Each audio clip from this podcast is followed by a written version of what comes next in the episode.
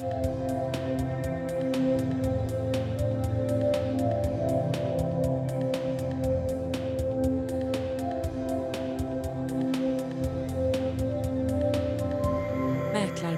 sponsras av Mäklarringen.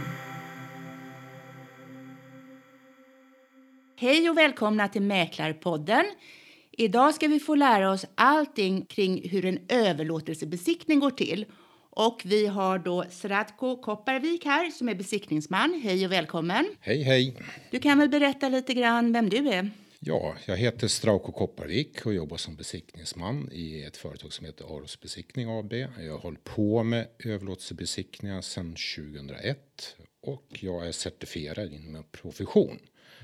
Min specialitet är överlåtelsebesiktningar. Jag håller på även med andra saker som entreprenadbesiktningar, skadeutredningar. Jag är byggnadsingenjör och styrelseledamot i SBR expertgrupp för överlåtelsebesiktningar. Ja, det var min Ja. presentation. En bred bakgrund med andra ord. Du nämnde SBR. Vad är det för någonting? SBR är en rikstäckande ingenjörsorganisation som har till uppgift att tillvarata våra medlemmars intresse. Eh, organisationen har även som syfte att utbilda, kontrollera och certifiera. Då. SBR eh, värnar om god ingenjörssed eh, som innefattar öppenhet, hög etik, moral och sin medlemskår och i hela bygg och fastighetsbranschen kan man säga. Det är väl en sammanfattning vad, eh, vilken genre som vi jobbar inom då. Mm. Som mäklare får man ju numera inte rekommendera en besiktningsfirma för att eh, hjälpa till med en överlåtelsebesiktning. Men tycker du att man ska trycka på som mäklare när man pratar med sina kunder att det är viktigt att de anlitar någon som är ansluten till SBR? Då finns några klara fördelar med det. Absolut finns det det. Eh, anlitar man då någon från eh, våran organisation så, så vet man att man får en, en besiktningsman då med hög kvalitet och kompetens. Eh, vilket innebär då att man har en, en eh, skolad bakgrund. Det kan man vara helt säker på. Och det är unikt för er. Finns det flera organisationer eller är det bara SBR? Nej, alltså inte en sån organisation i den bemärkelsen. Det finns ju då andra företag som jobbar inom det här konceptet då, men inte som har den här eh, kunskapen och kvaliteten eller den här nivån kan man säga. Man kan säga då att SBR är som en trygghetsstämpel för besiktningsmän. Det är en kvalitetsstämpel. Eh, Ja, Jag vet att många, oavsett om man som säljare ska göra då en besiktning inför en kommande försäljning, men även då som köpare, att man är lite orolig, att det känns nervöst inför en besiktning. Man är ju då rädd som säljare kanske att det ska uppdagas en massa fel och brister som man överhuvudtaget inte har haft en aning om. Så att du kan väl lite grann beskriva hur går en besiktning till? Ja, först och främst så måste man ju eh, få någon form av kontakt då med, med konsumenten. Då, va? Att man får eh, en, en bokning eh, samt att man har ett skarpt läge. Och, och därefter så hugger man ju tag i konsumenten då eh, enligt som, som vi tycker att man ska göra. Att man är väldigt tydlig eh, hur en besiktning går till. Eh, man har den här dialogen med, med konsumenten med att man skickar ut en uppdragsbekräftelse. Eh, man talar ju även om eh, för konsumenten då att eh, hör gärna av dig om du tycker att någonting i den här uppdragsbekräftelsen då är lite krånglig eller den är väldigt juridisk eller något sånt så kan man ju alltid ha en dialog innan så att konsumenten förstår hur det här kommer gå till. Va? Och det är, det är ju själva början. Ja, eh, uppdragsbekräftelsen är genomgången och man har kommit överens om en tid. Är det någonting som man bör förbereda i bostaden inför en besiktning? Eh, Ja, och det, det är också viktigt då att eh, några sådana här små saker som att eh, försöka att plocka undan eh, så att man kommer in eh, kattvindar till exempel. Eh, plocka undan så att man kommer ner i grunden. Eh, och eh, dessutom då eh, se till så att man har en stege hemma bland annat så att man kommer runt upp på taket och lite sådär va. Så att det eh, oftast är det inte så där jättekomplicerat och man löser oftast det redan på plats. Eh, Och när du då kommer till en bostad som du ska besikta, börjar man runt köksbordet eller var börjar man? Sitter man ner och tar en kopp kaffe först och går igenom hur det hela ska gå till? Ja, som vi pratade om tidigare så, så äh, alla parter är ju lite pirriga så här. Det är ungefär som man åker och ska besikta bilen så blir man ju lite pirrig fast man har gjort det flera gånger. Men det här är ju första gången då kanske för, för de flesta då.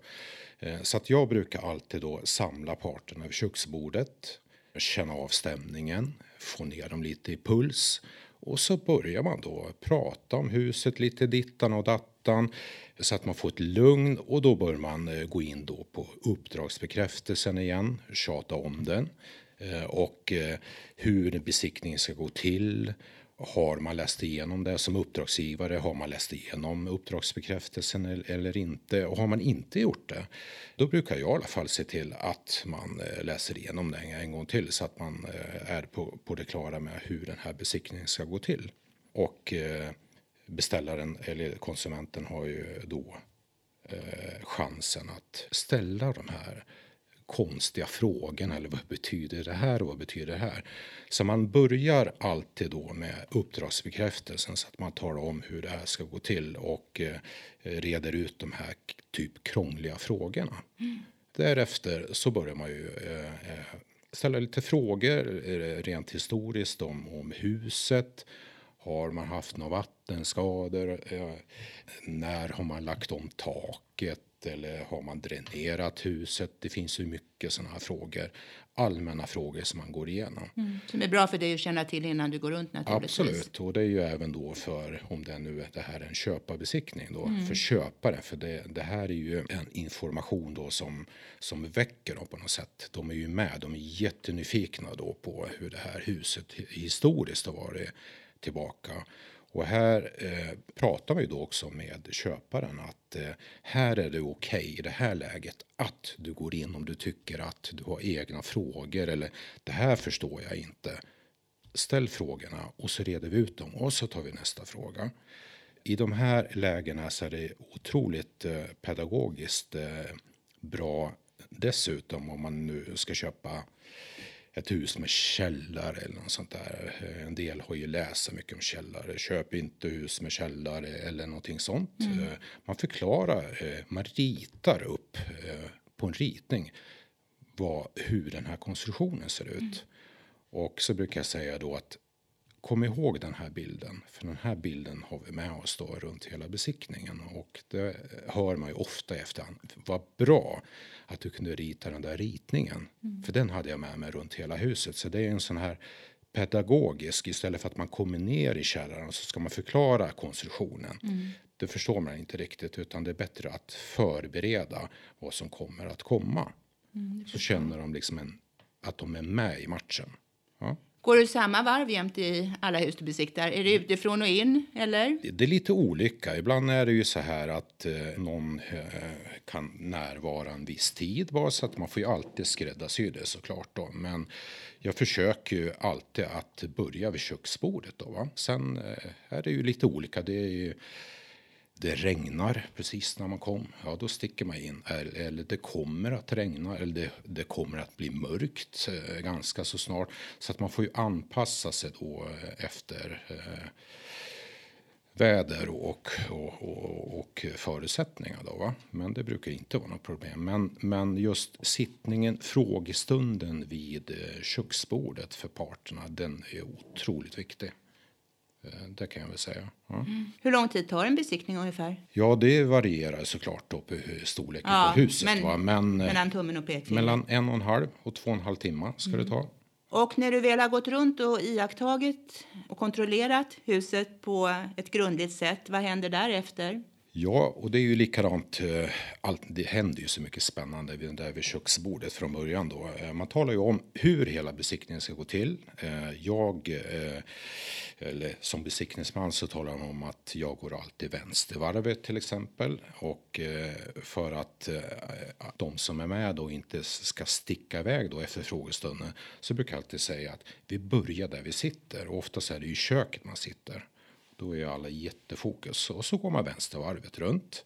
Eh, man har talat om för dem att efter själva besiktningen, den okulära besiktningen, så kommer vi samlas här vid köksbordet igen. Och då kommer ni att få en muntligt eh, resultat då över besiktningen, det vill säga att eh, ni kommer få reda på om det föreligger något behov av några fortsatta utredningar. Inte, nu kommer det sånt där svårt ord, men eh, det har man ju redan gått igenom de olika stegen. Och det betyder då att om parterna då på något sätt har ett avtal, en, en tidsplan där som man ska följa då med kontrakt och så så tar man det redan då för att man inte ska tappa massa tid, eh, onödig tid brukar jag säga. Så att det, det är ju alltid en förutsättning att man sammanfattar besiktningen muntligt och tar upp de väsentliga delarna. Hur lång tid tar det för dig ungefär att återkoppla med ett skriftligt protokoll? Ja, och då har vi också skickat ut då i, i våra uppdragsbekräftelser då att, att inom fem arbetsdagar man brukar leverera snabbare än så, va? Mm. men det är de förutsättningar som gäller. Ja. Jag vet att många kan ju bli lite skräckslagna när de väl får sitt besiktningsprotokoll och ser då skrivningar som till exempel riskanalys, fortsatt teknisk utredning med mera. Riskanalys, vad menas med det egentligen? Ja, det, och, och det här är ju jättebra att du tar upp de här starka orden. Och, och som vi pratade om lite, lite grann tidigare så beror det alldeles på då, eh, vilken typ av besiktningsman eh, som du anlitar. Anlitar du en besiktningsman från våran organisation så gör ju alla likadant.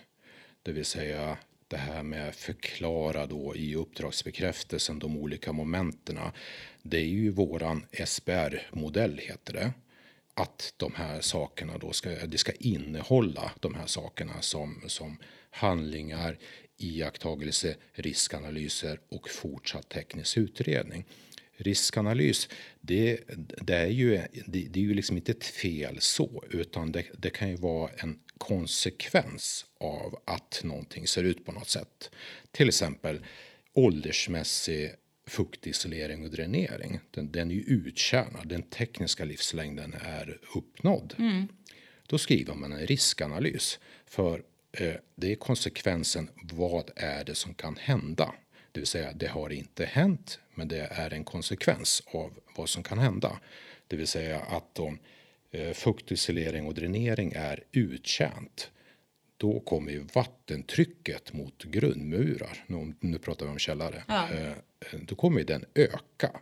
Och ökar då vattentrycket mot eh, grundmurarna och källaren så ökar risken för skador. Så det kan man väl säga då en, en riskanalys. Så man kanske ska tänka som så då att man bör i sin kalkyl för renovering och underhåll lägga till då kanske en framtida dräneringskostnad? Absolut är det så. Ja. Men det är inte så att huset kommer falla sönder bara för att det står att det är en risk? Nej, absolut inte. Så att, så att de här orden är ju väl använda i branschen. Men eh, har du inte förklarat de här orden, det är ungefär som att du jag förstår inte ett ord. Nej, då slår man upp det i ordlistan. I det här fallet så är ju besiktningsmannen är ju ordlistan, va? Mm. så kan man säga.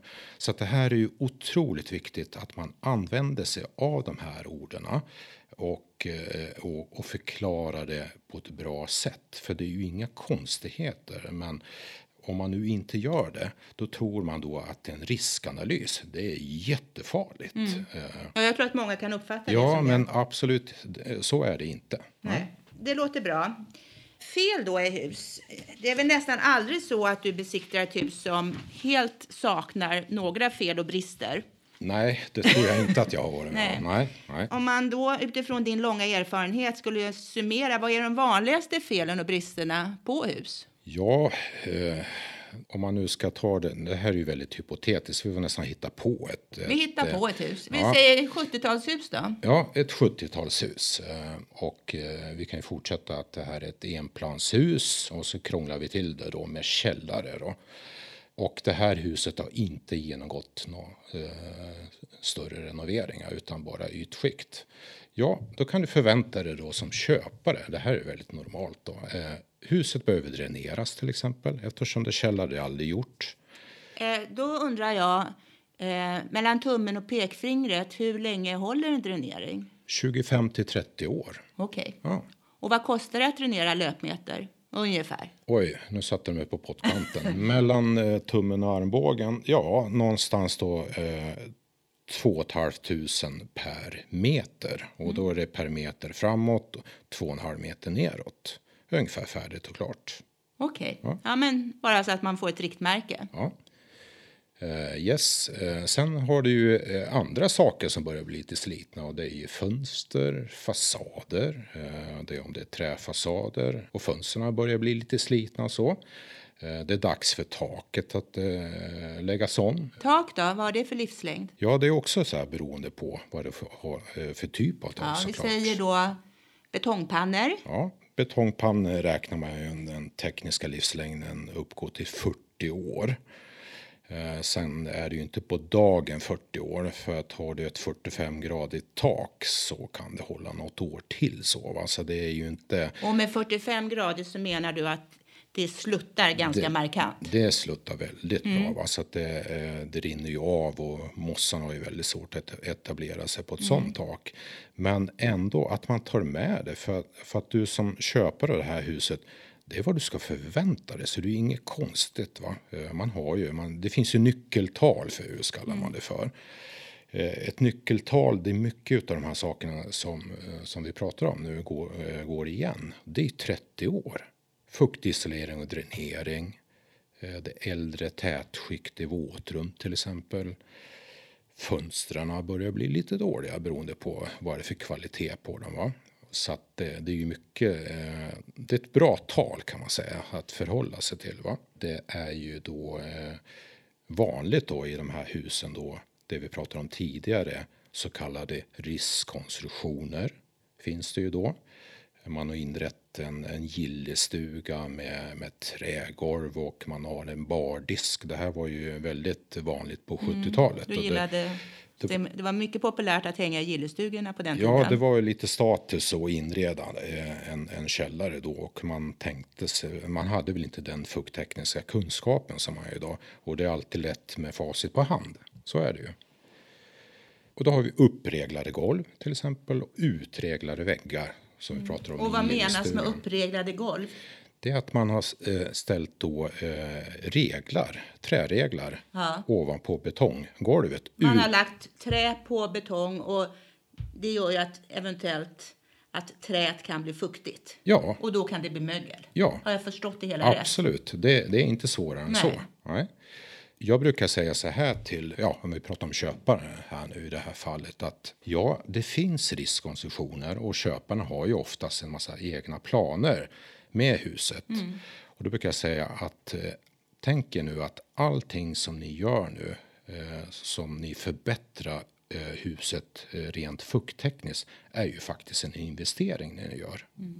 Så att gör ni rätt från början så är det faktiskt en investering. Gör ni ingenting så kommer det här att komma ikapp er så småningom. Förr eller senare. Och då är det en del som, som verkligen eh, klockan ringer till så här. Och det är ju det som är meningen också. Att eh, man ska tänka att det är ju faktiskt en jättestor affär man gör och det är en investering. Man måste ju underhålla sin investering. Ja, det var de vanligaste felen i 70-talshus. Även i nya hus, ett sprillans nytt hus, kan man även där hitta någonting i besiktningsprotokollet? Eller är det helt rent? Ja, du menar att man bara flyttar in, lutar sig tillbaka? Ja, förhoppningsvis. Då kallar man det hus med liten risk för fuktrelaterade skador. Och då är det eh, skador, alltså ett fuktsäkert hus som har en modern grundläggning. Vad är det?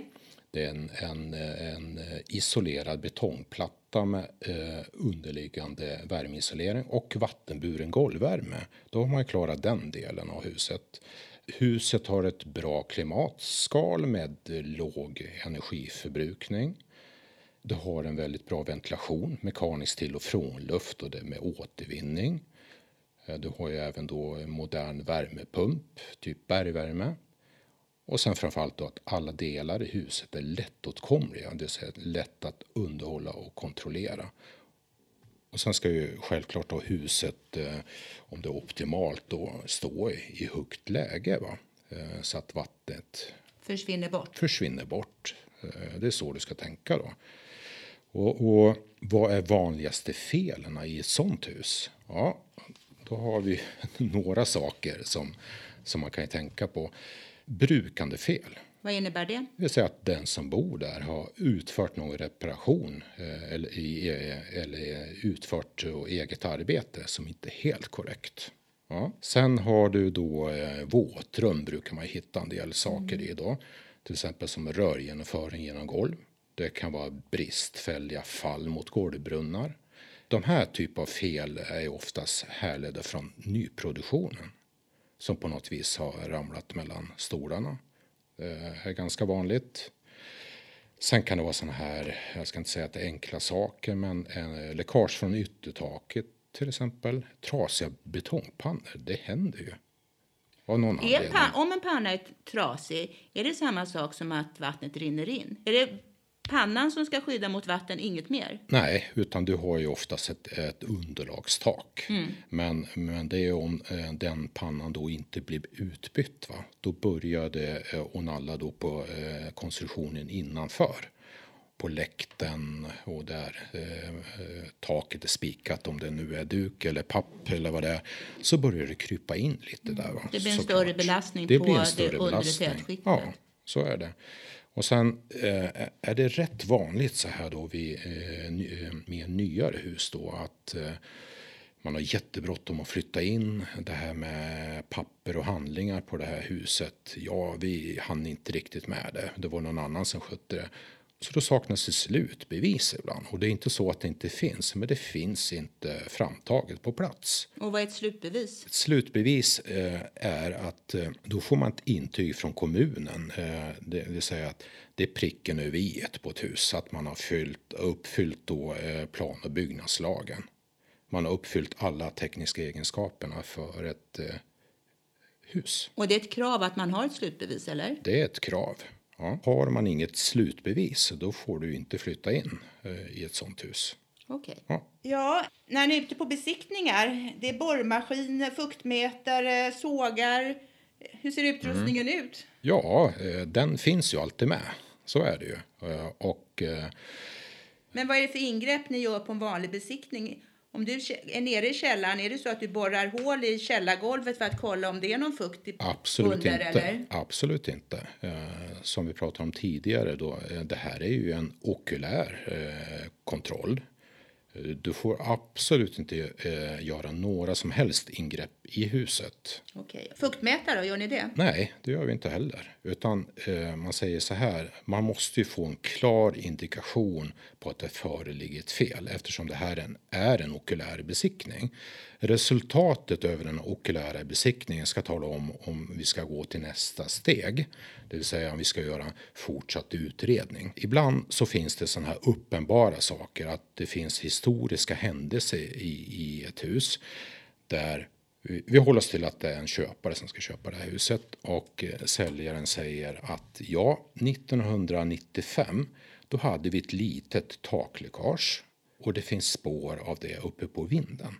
Då kan man som besiktningsman, då har man ju en tidsfaktor, en händelse när det hände och man kan vid sådana eh, situationer ta fram sin fuktmätare och mäta just på den aktuella punkten egentligen för att bekräfta att det är torrt. Och att det är en gammal skada. Det är en gammal mm. skada. Men det är ju egentligen för att få en bekräftelse för att slippa det här med att gå vidare. För det ibland så är det Nej, eh, som besiktningsman ska man kunna ta sådana beslut. Men som jag sa, det ingår inte någon sån mätning att man springer runt utan vid extrema situationer som den situationen mm. som man precis sa så kan man faktiskt göra det. Det är inte helt eh, fel om man säger så. Det är egentligen för att inte ta nästa steg. Det Men det är först om man beställer då en fördjupad utredning borrmaskinen, sågen och fuktmätaren kommer till nytta? Ja, och då är det alltid så här att eh, eh, man plockar inte bara fram den här utrustningen och man har kommit fram till det resultatet själv, utan nu måste man faktiskt fråga om lov. Man kommer fram till ett resultat att här finns det behov, men då måste ägaren i fråga. Eh, ja, man måste ju fråga om lov om man får göra de här mm. Det utredningarna. ingreppet eventuellt om man måste borra i ett golv absolut, eller så. Ja. Absolut. Så att det, eh, och, och det här är ju ingenting då som eh, man som konsument eh, ska beställa innan. Det är inte riktigt så det funkar. Nej, för man vet inte om behovet finns naturligtvis. Nej, nej. men en del vill ju eh, det här med hängslen och livrem. Mm. Man beställer alla möjliga saker. Men du som besiktningsman, du får inte göra de här ute på plats. Nej. nej. Hur ofta eh, av dina besiktningar i procent ungefär brukar vara så att man är tvungen att göra en vidare utredning? Ja, nu satte du mig lite på pottkanten. Men ja, vad ska jag säga? I runda tal. Hälften? Nej, det är inte så ofta. Jag eh, kan väl säga att det kan vara... 10-15 procent av dina besiktningar? Ja, max. Max okay. 10. Mm. Så det är inte... Ja. Mm. Ibland är det så där enkelt också. Om man tar bort en bräda till exempel. Ja. Så slipper man det momentet. Eh, och, eh, och det här är ju viktigt att man har en dialog men som besiktningsman så måste du ändå du måste skriva allting som du ser för att eh, det får absolut inte misstolkas. Men man har ju ändå de här diskussionerna. Man talar om att eh, ja, du ser att den där brädan, det, det är ju bara den brädan. Mm. Jag är som besiktningsman tvungen att skriva fortsatt teknisk utredning, men du ser enkelheten i det här. Va? Så, att, så att de får ju alltid själva avgöra vad nivån ligger på det. Men som besiktningsman så är du skyldig att eh, påtala, påtala det. det. Ja. Installationer då? Ingår det i en överlåtelsebesiktning? Nej, det gör det inte.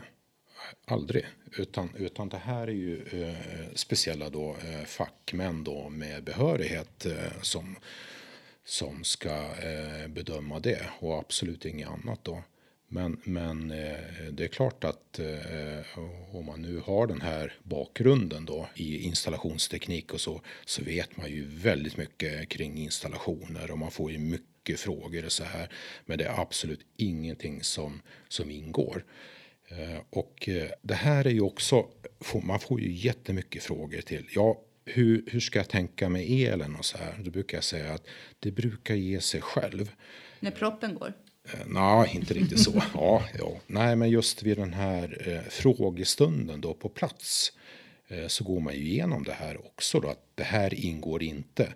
Men om du hänger med här i frågeställningen, de frågorna som besiktningsmannen ställer så kommer du att fånga upp de här frågorna. Till exempel att man ställer ju hur fungerar då elen i huset? Och då är man ju liksom på normal basis. Jag frågar. Och då kan man få till svar att ja, det fungerar alldeles utmärkt, men det här 70-talshuset har vi absolut inte uppdaterat vad gäller elinstallationer. Då har ju då köparen i det här fallet fått svar på sin fråga. Mm. Eh, så att man går inte in och petar i det där. Man får inte bedöma för att eh, ellagen är väldigt sträng och man ska inte gå in och peta där. Men det finns ju en hel del då, inte bara eh, elinstallationer. Du får ju även då reda på, du får ju en fingervisning vad gäller vatten och avlopp också. För man frågar ju om de har haft något stopp i avloppsledningar eller så. Fungerar det normalt? Vi är hela tiden på normal mm. Nivå. Eh, och säger man så här då att ja, alltså vi har jätteproblem med, med avloppsledningen ut då.